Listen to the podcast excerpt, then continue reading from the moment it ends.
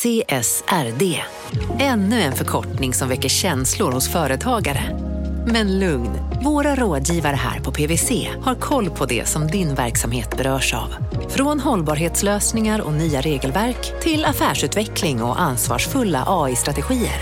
Välkommen till PWC. Du, åker på ekonomin. Har han träffat någon? Han ser så happy ut. Var det onsdag? Det är nog Ikea. Har du dejtat någon där eller? Han säger att han bara äter. Ja, det är ju nice alltså. Missa inte att onsdagar är happy days på IKEA. Fram till 31 maj äter du som är eller blir IKEA Family-medlem alla varmrätter till halva priset. Välkommen till IKEA. Men John, de här fakturorna, har du koll på dem eller? Att ha alla fakturor i en enda röra. Det är inte Telia. Oj, vad många. Att göra det lätt att driva företag. Det är Telia. Läs mer om fördelarna med att samla IT, bredband och mobilt hos en leverantör. På telia.se företag. Jag har jobbat här i 20 år. Du begriper mindre och mindre. Det är så? Ja, ja. det är så himla komplext. Är det. Hjärtligt välkomna ska ni vara till Kapitalet eh, med mig Gunnar Harjus och med Jakob Bursell. Eh, Vi pratar väldigt ofta om marknader här i podden. Och marknader har blivit något väldigt eh, komplext. Jag menar, ta avsnittet vi gjorde om kaffemarknaden häromsistens. Den allra största delen av det som handlas på den marknaden är ju inte ens kaffe. Nej, det är liksom mer liksom löftet om kaffe. Eller förhoppningen om att kaffe ska gå upp och ner.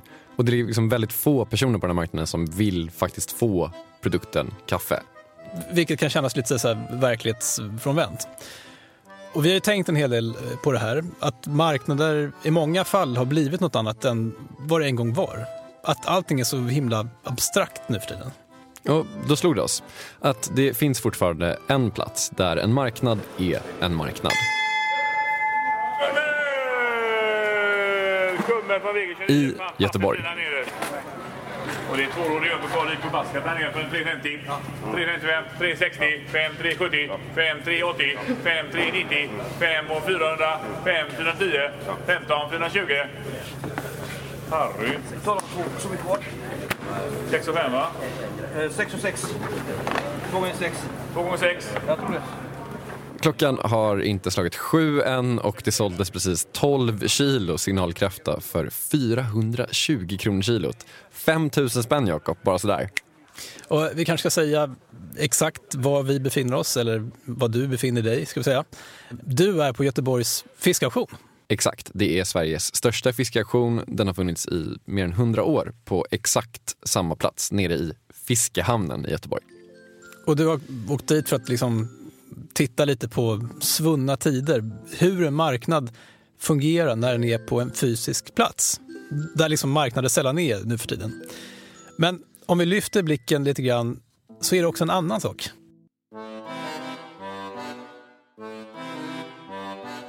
Ja, för det är ju inte bara marknaden som har blivit abstrakt utan om man ska liksom höja det här till någon slags filosofiskt resonemang nästan så är ju nästan allt vi köper abstrakt. Alltså om din telefon som du har framför dig till exempel, den innehåller liksom en miljard olika grejer som kommer från alla jordens hörn och du har liksom ingen aning om vilka människor som är inblandade i att göra den här eller vilka konstiga så här, äh, ädelmetaller som leder något konstigt chip eller verkligen inte hur den där funkar.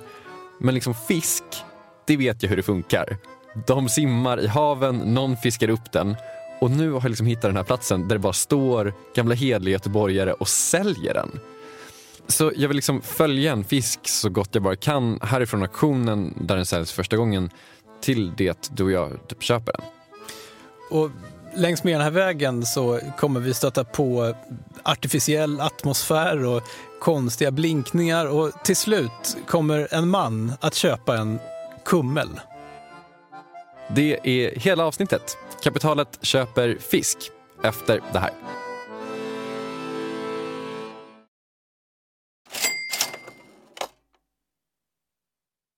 Vi sponsras av Storbrand Asset Management som ju förvaltar över 1000 miljarder norska kronor, bland annat för SPPs eh, många pensionssparare. För två år sedan så investerade Storbrand i drygt 60 tåg, alltså tågvagnar, eh, som rullar mellan London och Skottland. De leasar sedan de här tågvagnarna till tågoperatören som alltså kör tågen och säljer biljetter och sånt eh, med ett avtal på 27 år. Så britterna får nya fina tåg och Storbrands kunder, eh, däribland alltså SPPs pensionssparare, får en inflationsskyddad avkastning med låga risker under lång tid. Det här är ett av supermånga exempel på hur pensionskapitalet i växande omfattning bidrar till att bygga samhället och inte minst till att klara klimatmålen. Det behövs elproduktion, elnät, batteriparker, nya transportlösningar och allt möjligt. Bara i Europa antas investeringsbehovet för att klara klimatmålen uppgå till tusentals miljarder dollar. Och det här är ju pengar som ganska ofta saknas i statsbudgetarna. Däremot är det här pengar som pensionsbolagen kan vara med eh, och stoppa in, vilket ger pensionsspararna en fin avkastning under lång tid samtidigt som man är med och ställer om samhället. Vi har gjort ett helt avsnitt om det här eh, som man kan lyssna på. Det publiceras här i Kapitalet i mitten av maj. Ratta gärna in det om ni vill lära er mer om hur det här funkar. Men tack säger vi till Storbrand Asset Management som ju investerar i alla tänkbara tillgångslag, bland annat för pensionsbolaget SPP. Och tillsammans försöker ju vi, Storbrand och SPP, öka medvetenheten om hur pensionerna funkar och vilken roll pensionerna spelar i samhället och i ekonomin. Okej, så jag står på Göteborgs fiskaktion och vi skulle vara transparenta här, eller transparenta, det fattar väl alla. Det här är inte första delen av resan som en fisk gör. Utan den första delen är att den simmar i havet och någon fiskar upp den. En fiskare till exempel. Och det finns ju såklart en miljon saker som gör den delen av produkten fisk eh, väldigt spännande. Men tyvärr så kommer vi inte få höra det idag i alla fall. Nej, för ingen fiskare vill släppa ombord mig på en båt av typ massa anledningar visar det sig när jag frågar runt lite grann. Dels så gillar de inte journalister överhuvudtaget. Och även om det var personligt mot mig, men de, de gillar inte journalister i alla fall. Och dels så är nästan alla fiskare ute i flera dagar i sträck. Och helt ärligt, jag hade inte riktigt tid eller lust att följa med i typ fem dagar. Och de vill inte ta ansvar för mig. Eller tänk om jag skulle ramla i. Det hade varit kul att bara se dig komma hem så här fredag eftermiddag. Lite så här extra skäggig och sjösjuk och jävlig. Vindpinad. Men istället så börjar vi vår resa här, där fisken kommer in. Och jag är på Göteborgs fiskaktion tillsammans med Ilona Miglavs. Hon är marinbiolog och utbildningsansvarig på Hanssons fisk som är en av de största fiskgrossisterna i Sverige. Men under massa år så jobbade hon på själva fiskaktionen. Hon har guidat över 30 000 personer på auktionen. Jag är väl den 30 000 första eller någonting. hon kan allt som händer här? Uh, här nere är vi ungefär uh, någonstans runt 500-550 anställda och ett, uh, jag tror att om du räknar så tror jag att du kommer upp i ett fem, minst ett 50-tal företag. Ja. Så det är, det är en väldigt komplex miljö. Så det är lite svårt att begripa sig på ibland vad som händer. Ja, svårt att begripa alltså. Men fattar du vad som händer? Ja men typ, alltså, man står liksom i en jättestor kall hall, eller egentligen så är det två hallar. En där det säljs fisk och en där det säljs räkor och andra skaldjur. Och utspritt över golvet så är det massa, massa, massa lådor fyllda med fisk. Och i de här stora hallarna så går det runt tre personer med så vita labbrockar. Och det är då auktionärerna, kallar de det. Utropare skulle jag kanske kalla det. De som håller i auktionen helt enkelt. Och så går det runt ett hundratal personer. Jag är där en ganska så här slö dag, men det är ändå typ över hundra pers där. Och de ska köpa fisken. Så de går runt och spanar på alla fiskar och tittar på vad som kan vara bra. Och sen drar en auktion igång och då ringer man i en klocka. Och då skriker auktionären allt vad han orkar vad det är han ska sälja. Exakt.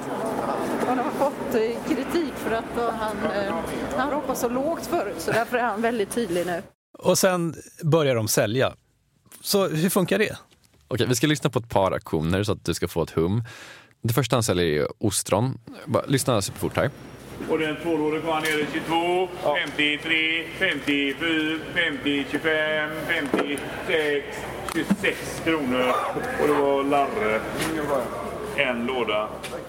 Vad är Larre? Det är någon, Larry, han heter Larry eller någonting, jag vet inte, eller Lars kanske. Vilken otrolig så insidermarknad, man kommer inte fatta någonting vad det blir där. Nej, verkligen. Ja, det går undan det här. Det gör det. Och redan här så är det massa superfascinerande saker som händer. Alla som budar har liksom massa olika jag vet inte, de har massa olika grejer för sig helt enkelt. Ja, du sa att de typ vinkar och håller på. Ja, av det jag kan bedöma så finns det några liksom, lite mer vanliga sätt att buda. Det första är det vanliga hedliga buda på auktionsvinkeln. Du vet, alltså man lyfter ett finger, du vet, så, här, ja, så.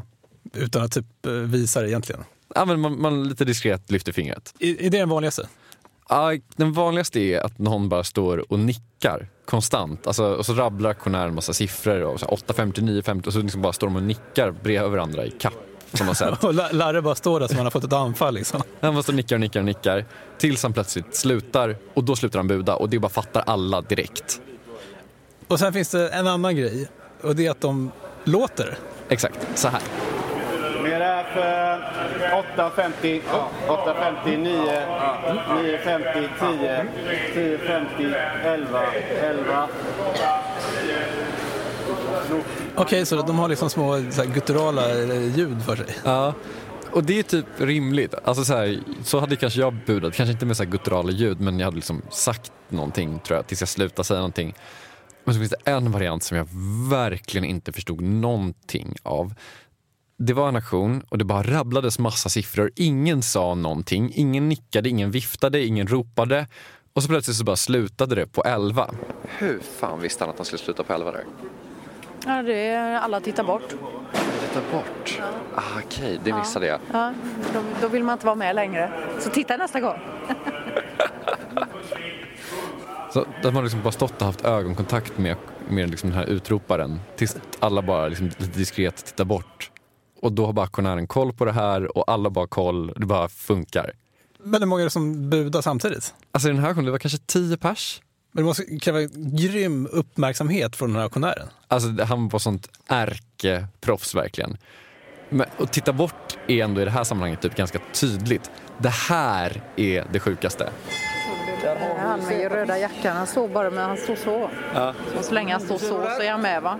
Och när Ilona säger så, så syftar de på att en gubbe har ena ögat stängt så länge han är med och så öppnar han ögat när han inte är med längre.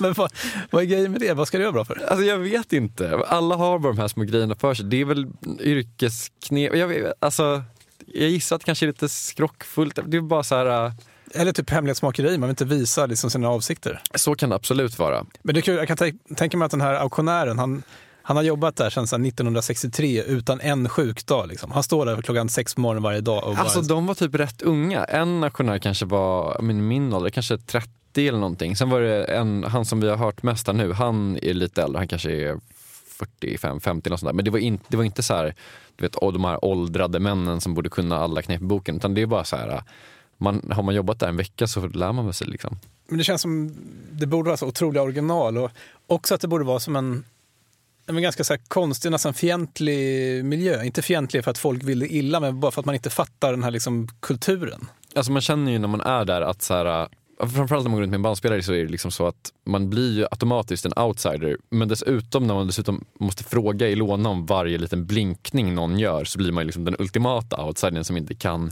några koder överhuvudtaget. Nej, precis. Och, och mycket så här språk som man inte fattar. Säkert slang och ut... Alltså, ja, men... Ja men de kallar bläckfisk för bläcka, det tog mig fyra auktioner att fatta. Okej, men det här är budgivningen. Och själva prissättningen här, den är väl ändå rätt solklar? Ja, den är solklar på ett sätt, men det är massa tjuv och rackarspel här också.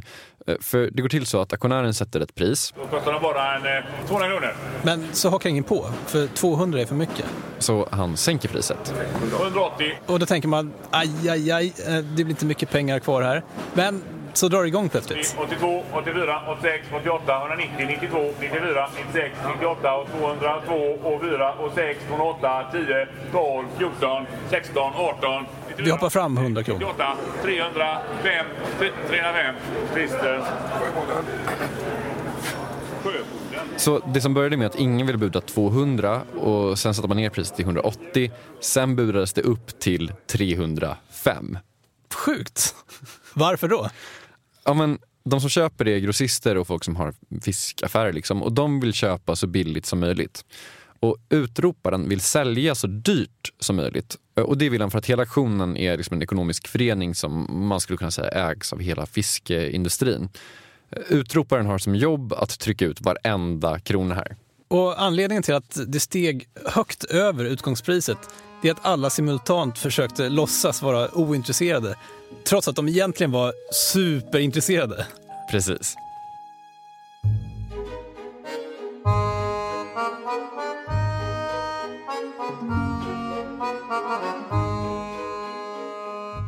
Men okej, vi måste ta några steg tillbaka här. Först och främst, var kommer den här fisken ifrån? Den kommer från massa olika ställen. Mycket från fiskarna på västkusten men också en del skeppad från typ Danmark och Norge. Sen är det lite krafter från Vättern. Så man kan väl säga liksom Västsverige och södra Sverige med omnejd. Typ. Och vem är det som tjänar pengarna? Alltså, Vem säljer åt vem? Ja, men som sagt så är Fiskaktionen en ekonomisk förening. Den ägs av fiskarna och de vill få ut så mycket som möjligt av sin försäljning helt enkelt. Och så tar aktionen en liten procent på det. För att det är någon som står där och ropar ut allting. Och den viktiga frågan här är, hur vet de vad allting är värt? Men varför slutade just den här förra budgivningen som vi hörde på 305 och inte 310? Ja, det var ju såklart det här som jag gick och funderade på hela morgonen här. Hur vet de? Så jag tog rygg på en kille. Han heter Ulf Jonseth och jobbar på Landala Fisk. Eller han äger till och med Landala Fisk, som är en liten fiskebod. Du har ju varit med jättelänge. Han är, han, han är född. Ulf står framför en låda med en stor fisk i. Vi prövar. Vi prövar. Okej, vad har vi framför oss här? Är du intresserad? Ja, den sista där. Kummen. Om ni inte hörde vad han sa så är det alltså en kummel. Så vad är grejen med just den här kummen? Den ser så väldigt fräsch ut och är fast och fin och var i havet igår. Okej, och vad, vad liksom, nu kanske jag måste prata lite tystare, men vad, vad är man beredd att, att ge för en sån då? 50, 50 spänn kilot. Jag köpte mindre kummel alldeles nyss för eh, 35 så att 50-55 spänn för den. Där är smärtgränsen? Ja, men sen är det svårt att omsätta det i, i riktiga pengar. Okej, om jag lägger 55 budet, kommer du lägga 56? Ja, det gör jag. Jag brukar inte stoppa det jag, det jag har tänkt brukar jag inte hålla så att jag fortsätter att nicka en stund till oftast. Okej, ja. Du håller jag tummen upp att du får den här för under 55? Ja, då? vi får se. Vi får se. Okej, så 55, kanske 56 kronor kilot är Ulf villig att ge för den här kummen. Och det vet han genom att, vadå, titta på den? Ja. Alltså det här är ju typ så långt från en här credit default swap man kan komma. En fiskhandlare som vet sjukt mycket om fisk genom att titta på en fisk och liksom känna med ögonen typ hur fast den är och veta när den var i vattnet senast och typ veta hur likstel den kommer bli de kommande dagarna. Ja, det är så han vet hur mycket den är värd. Och snart ska han buda på den i en fysisk auktion framför den fysiska fisken. Superhärligt om du frågar mig. Absolut, det känns jättegenuint. Men att säga han tittar på den så vet han. Alltså det är väl att göra det lite för enkelt ändå. Jag menar, vad gör han? Hur vet han hur mycket fisken är värd? Ja, det är då flera saker som utgör en fisks värde. Det första är kvalitet. Du köpte för 35 förut? Där. Ja. Varför, varför är den här värd 50? Den är lite större än de jag köpte och sen är den eh, lite bättre behandlad. Kummel är ganska känslig fisk så att den eh, blir den lite bättre omhändertagen ute på sjön så eh, mår den bättre. Mm. Och så med, eh, nu svamlar jag nog bara men om rigor mortis sätter in när den ligger isad och fin här och så låter man den vara så så håller den och blir fantastiskt fin när den blir filead sen. Ja, det här är alltså en väldigt bra bit kummel. Han kan liksom bedöma äktheten i den på något sätt om man skulle försöka överföra det till guldtermer. Det, det är en bra fisk. Och här är det ju erfarenhet som gäller. Ulf har jobbat sina 10 000 timmar med råge i den här fiskaktionen. Lite magkänsla, titta på vissa specifika grejer, typ hur fjällen ser ut, om det är små fen, jag vet inte, men du vet, sådana grejer liksom. Det känns ju som det är en bransch som är svår att, liksom, svårt att digitalisera det här. Att liksom, du får se en bild på, på webben på en kummel. Så kan man tänka sig och vi kommer till det. Men så är det ju såklart en annan grej som är det som styr som i alla marknader. Efterfrågan. Vad kan ni, eh, vad, vad hoppas ni kunna, om, ni, om du köper den för 55, vad kan du sälja den för i butiken? Då står den oss i ungefär eh, 140-150 i filé och nacke och grejer. Och eh, då, bör, då måste våran lilla affär ha åtminstone 290 kilo. Vi måste dubbla våra pengar. Och då måste Ulf vara säker på, eller åtminstone nästan säker på, att någon kommer köpa den här fisken för 290. Och det här är inte unikt för den här branschen. Det, så är det ju i alla branscher om man har en butik. Du måste ju vara typ säker på att någon ska köpa en tröja om du ska köpa in den till butiken. Men fisk är ju nästan färskvarornas färskvara på något sätt. Den fisk blir dålig väldigt fort. Han måste vara säker på att någon köper den här typ idag eller åtminstone inom de kommande två dagarna. Och kollar man på de här fiskbodarna så ser man också att de har sjukt små marginaler. Landala fisk som Ulf äger, de gör några tusenlappar i vinst och ibland till och med förlust varje år. Okej, så nu har vi då våran cliffhanger. Kommer Ulf att få sin kummel för 55 kronor kilot eller inte?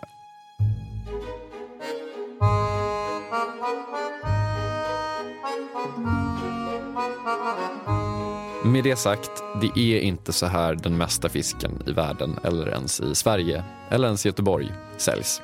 Nej, först och främst så importeras 75 procent av all sjömat. Det är det man kallar, alltså det man äter, det är ätbara på fisk och skaldjur i sådana här fiskekretsar. Och 40 procent av all sjömat i Sverige är odlad. Lite importerad fisk kommer in till auktionen, men inte så mycket. Och ingenting här är odlat. Här skulle man ju vilja komma med en siffra på hur mycket den svenska fiskerinäringen omsätter. Men det vet man inte. Jag har ingen sån och ingen har en riktigt sån pålitlig siffra. Enligt Havsmiljöinstitutet så ger den statistik som finns en ganska diffus bild av hur mycket fisk vi konsumerar, varifrån den kommer, den typen av saker. Så pass diffus faktiskt att Jordbruksverket har slutat att räkna på det. Har de? Ja, det är helt sjukt. 2010, nej, 2000 blankt slutade de räkna på hur mycket fisk vi konsumerar i Sverige. Det här är för svårt, vi, vi lägger ner det. Det är för svårt för det är liksom massa så här olika, när man fiskar någonting så lämnar man en landningsrapport och det är så här sjukt opolitligt och man kan liksom inte förvänta sig att en fiskare ska stå och liksom sortera ut varenda jävla fisk den fick upp. Säg att du ska försöka fiska torsk till exempel. Då får du ju med lite hällflundra och grejer liksom så här, av oflyt eller flyt beroende på hur man räknar det. Och det är liksom helt omöjligt att räkna det här och massa slängs. Och alltså så här, det är en jävla härva helt enkelt. Så Jordbruksverket har slutat räkna på det. Den bästa gissningen som jag har hittat eh, är från något som heter RISE Research som har gjort en undersökning på uppdrag av Världsnaturfonden. De uppskattar att vi svenskar konsumerar ungefär 11 kilo sjömat vilket motsvarar ungefär 25 kilo hel fisk per person och år. Alltså. Låter rätt lite faktiskt. Jag tycker det också. Vi var ändå typ nia eller något sånt där i världen. På Island var det typ fem gånger så mycket. Och jättemycket av det här kommer från Norge. Vi importerar 400 000 ton fisk från Norge varje år.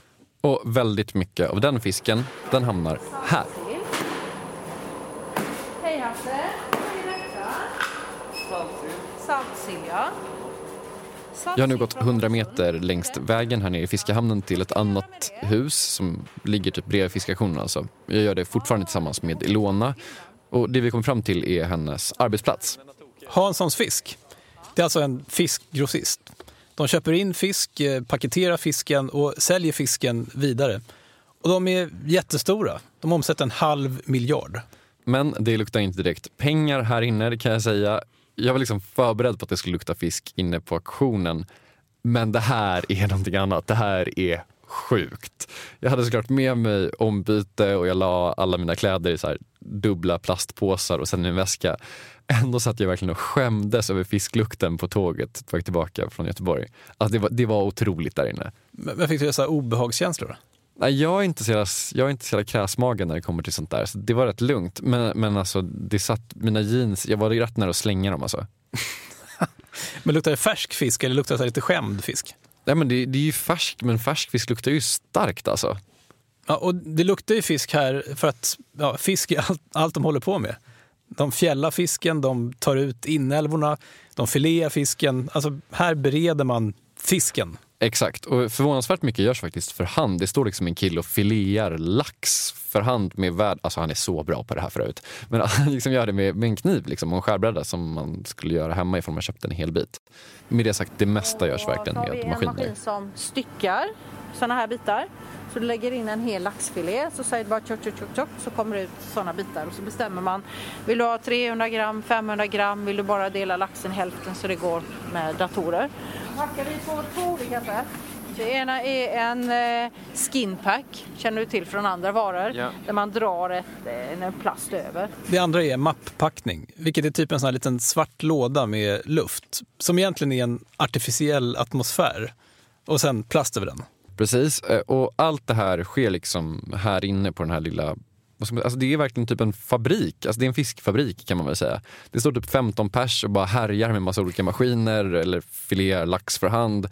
På det stora hela så är det sjukt mycket lax eh, och vi pratar verkligen liksom fiskindustri.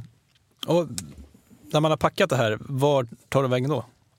Ja, men nu börjar vi närma oss vår tallrik här, för från just Hanssons fisk i fiskehamnen i Göteborg så skickas det sjukt mycket till vanliga så här, ICA och Coop-butiker och så står det liksom ICA högst upp på förpackningen. De har liksom massa speciella förpackningsmaskiner som liksom brandar den här fisken så att det ser ut som till ICAs egna. Så om vi går ner och handlar en vakuumförpackad lax här på Konsum runt hörnet, har vi då följt en fisk från auktion till tallrik då?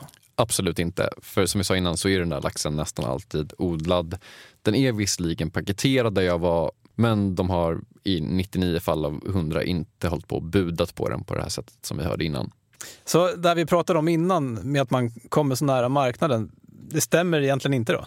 Nej, i liksom de vanliga fallen så stämmer det inte att man kommer nära marknaden när det kommer till fisk. Om man inte handlar av Ulf.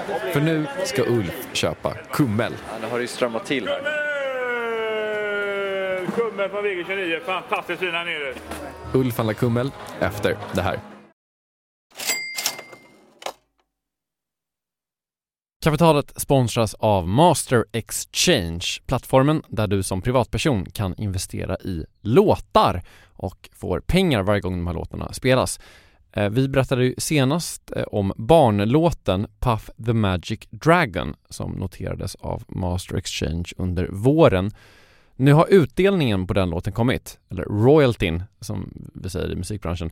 Eh, den ligger på drygt 12% i årstakt och det här är ju en avkastning som är helt okorrelerad till börsen. Till och med Goldman Sachs har börjat skriva om just musik som investering just ur det här perspektivet. Nu finns en möjlighet att investera i en ny låt. Eh, Låten heter Boss Bitch och den är av Doja Cat eh, som, eh, alltså jag ska inte säga att jag är superdeep här men eh, det är ändå en, en person som jag vet om det är. En, en världskändis. Den här låten gav baserad på förra årets spelningar en avkastning på drygt 13% Master Exchange har just nu en väntelista på registreringar. Det, det går lite för bra för dem kan man säga. Men skriver ni in kapitalet som promo code så kan ni runda kön och ansöka om andelar i låten Boss Bitch ändå.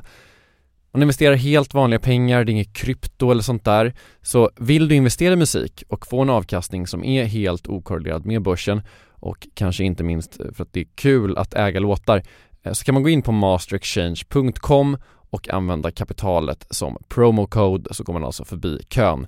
Kom ihåg dock att alla investeringar är förenade med risk men vi säger stort, stort tack till Master Exchange. Kapitalet sponsras av Karla, Jakob. Ja, bilar igen. Ja, det är härligt. På Karla kan man sälja sin elbil eh, på det gissningsvis smidigaste sättet i Sverige. Eh, Karla har ju ett fakt- nästan ett komiskt högt användarbetyg på Trustpilot. Mm. 4,8 av 5, vilket jag typ aldrig hört talas om. Nej, det är väldigt, väldigt högt. Eh, Man knappar in lite info om bilen på sidan, sen får man en gratis värdering och ett bud. Accepterar du budet kommer Karla och hämtar upp bilen gratis och sätter in pengarna innan de kör iväg. Inget mer än så. Rätt fantastiskt. Nej, det är faktiskt Ja. helt otroligt. Och eh, det kan bli ännu mer eh, otroligt än så. eh, För att vi har nämligen en rabattkod som ger dig 2000 kronor extra för bilen. Så om du säljer din bil så får du två lax extra. Stämmer. Bara sådär. Eh, koden är Monopol. Och eh, den uppger du när du har värderat bilen och eh, pratat med Karlas inköpare. Koden är giltig till sista maj, så att eh, passa på om du går i säljartankar. Jag undrar om vi haft en kod som har gett två lax bara sådär någon gång. Nej. Det är helt otroligt. Man behöver en bil förvisso. Absolut, så det är inte, kanske inte bara sådär, men det är ändå 2000 kronor extra. Väldigt bra. Ja. Så sälj din elbil eller laddhybrid till Karla. Du får 2000 kronor extra med rabattkoden Monopol. Hoppa in och kolla på karla.se, Karla Museet. Där kan vi också köpa bilar ska jag tillägga. Verkligen. Vi säger stort tack till Karla. Det här avsnittet skulle ju handla om att marknader liksom är helt avskilda från oss människor. Att det är osynliga mekanismer som vi inte har någon särskild insyn i, men att det faktiskt finns marknader som man kan besöka och som funkar som man tänker att marknader alltid har funkat. Men innan pausen så kom vi väl fram till att det inte riktigt är så här heller. Nej, eller att det på sin höjd är en halvsanning. Den marknaden som jag är på, den funkar exakt som man tror. Och som man kanske hoppas att alla marknader egentligen borde funka. Men den marknaden är bara en liten, liten bit av hela fiskmarknaden. Det mesta av den handel som till exempel då Hanssons fisk gör, den görs inte i den här auktionshallen klockan sju på morgonen. Den görs när som helst på dygnet på internet. Ilona tror att ungefär 5% av deras fisk kommer från auktionen. Ja, så det har liksom blivit en kuriositet det här nästan. Alltså för de stora grossisterna så är det nästan en kuriositet. För de små fiskhandlarna så är det där de köper sina grejer. Var, varför är det så här? Ja, men det tar helt enkelt för lång tid för en för liten mängd fisk för de här stora grossisterna. Grejen med såna här marknader är att den är sjukt tidskrävande. Jag är där i typ tre timmar och de hinner inte riktigt ens med allt medan jag är där. Och Det här är väl någonstans svaret på frågan om varför marknader inte ser ut så här längre. Det är bökigt att samla ihop allting på samma plats och det tar svinlång tid att ropa ut allting. Men jag vill ändå visa att den här marknaden finns också. Och att folk kommer hit fem dagar i veckan för att köpa fysisk fisk som de i vissa fall liksom bär därifrån i lådor under sina armar. Och sen kan du och jag köpa den i en fiskhandel. Men man kan ju tänka sig, för, för en viss liksom, typ av fisk så passar det ganska bra. Men om du är fiskare på västkusten så kanske det inte är så enkelt att bara sälja grejerna på nätet. Det kanske är enklare att köra in det till stan och sälja på auktioner. Jag vet inte. Det är de här små volymerna. Precis, och svensk fiskerinäring, alltså själva fiskarna, de är ju i väldigt hög utsträckning småföretagare. Det är liksom personer som har en eller två eller tre båtar kanske. Det är inte de här stora fiskeflottorna som man kan prata om i andra länder.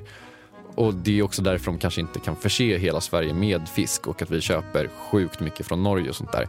Och nästan all den fisken som är de stora volymerna, det hamnar ju på de här stora näthandlarna. Medan liksom om du eller du och din farsa skulle ha en liten fiskebåt, då är det ju sjukt smidigt för er att kränga det på fiskauktionen. Personer som jag och min farsa, eller Ulf förstås. Ulf ja, för nu är det dags att köpa kummel. Ni minns, Ulf hade satt sitt maxpris på 55 kronor. Över det kommer han inte att gå. Såg han liksom nervös ut? jag tror inte det. Han köper fiskar hela tiden. Däremot så är jag typ lite nervös. Kommer han att klara det här? Kummel från väg 29. Fantastiskt fina nere. 32. Ulf lägger sitt första bud. 33. Sen drar det igång. 36, 37, 8, 39, 40, 41, 42, 43, 49, 45, 46, 47, 48, 49, 50, 1, 2, 3, 4, 55. Okej, paus. Ulf har budet på 55 här. Shit, om man dömer av farten som auktionären har så kommer det här bara blåsa iväg, eller? Ja, men de här auktionerna kan också ta slut sjukt fort. Och Ulf har ju hintat lite om innan att han kanske är beredd att gå över och att han ofta blir lite meddragen i det här. Och jag hoppas lite att min närvaro ska göra att han också går över sin smärtgräns. Men okej, stannar det på 55. 51, 2, 3, 4, 55, 6, 57, 6, 56 kronor. Tack. Men en sån snåljåp. Ja, det var dåligt. Du gick inte över smärtgränsen. Ja, ja, det blir ingen bra dag. Jo. Aj, aj, aj. Förlorade Ulf. Han förlorade. Hur reagerade han? Var han förkrossad, ledsen, sur? Nej, han är en rätt glad och sansad person och tog det med jämnmod får man nog ändå lov att säga. Sen var han också lite extra glad för han hade precis köpt någon slags blandlåda precis innan. Jag ska visa den här blandlådan. Det finns också på vår Instagram kan vi säga om man scrollar tillbaka lite i flödet. Kapitalet heter vi där. Kan du beskriva hur blandlådan ser ut? Mm. Jag ser typ ett öga och någon... det ser ut liksom som tarmar tycker jag. Ja, och Ulf köpte den här lådan för typ 40 spänn. Och sen längst, Grattis Ulf! Ja, för längst ner, ja det är faktiskt grattis, för längst ner låg det en bläckfisk och det är värt mycket mer än 40 spänn. Han gjorde ett superkap verkligen. Den tyckte jag var lite rolig. Vilken fynd! Den här var ju fin. Bläckfisk också. Bleka säljer vi en del. Hälleflundran tror jag ska försöka ta hem själv. Hel, hel i ugnen, hel i ugnen. Två kilo. Tjock. Gött i familjen. Ja, jag tror det. Ja, skönt att inte Ulf är förkrossad. Men okej, är inte det här ändå liksom ett otroligt omständligt sätt att köpa fisk på? Kul att du frågar. Men är det inte ett extremt omständigt sätt att köpa fisk på? Jo, det kan många tycka. Ehm, och det är ju faktiskt eh, många synpunkter som har kommit in på att, eh, särskilt från, från oss som är stora, att vi behöver egentligen inte fiskaktionen. Men det här är ett otroligt bra sätt att kunna se den produkt som du handlar. Eh, det finns ju väldigt många auktioner som ligger ute på nätet och vi köper bland annat eh, från, från Smögen på nätet men vi köper också från Danmark och Holland på nätet. Eh, och då sitter våra killar samtidigt som de går här så, så har de sin telefon och kollar priserna i de andra länderna och sen när de kommer upp till sitt kontor så fortsätter de att handla med, med sina telefoner på, på nätet helt enkelt. Så svaret är jo. Det här är ett stökigt sätt att handla, men det är också bra för att man ser allting. Men det är nog inte framtiden, helt enkelt. Nej, förmodligen inte. Däremot så måste jag säga att det är så himla fint att det finns någonting som är så otroligt konkret fortfarande. Och jag hoppas verkligen att det här finns kvar. För det här, det finns inte på nätet. Fisk eh, 6,35 kilo vit bläckfisk här nere för en hundralapp. 101, 2, 3, 4, 5, 6, 7, 8, 9, 10, 11, 12, 13, 14, 15, 16, 17, 18, 19, 20, 21, 22, 23, 24, 25, 26, 27, 28, 29, 130, 31, 2, 3, 4, 35, 6, 37, 8, 39, 40, 41, 2, 43, 44, 45, 46, 47, 48, 148 kronor. Ibland kan de bjuda bara för att han ska fasiken inte få den. Ja. Ett rävspel. Ja, okej. Ibland funkar inte ens den här marknaden som man tänker sig. Och irrationella saker spelar in. Ja, och med de orden så är kapitalet slut för idag, men tillbaka om en vecka. Följ oss på Instagram, vet kapitalet. Hej då!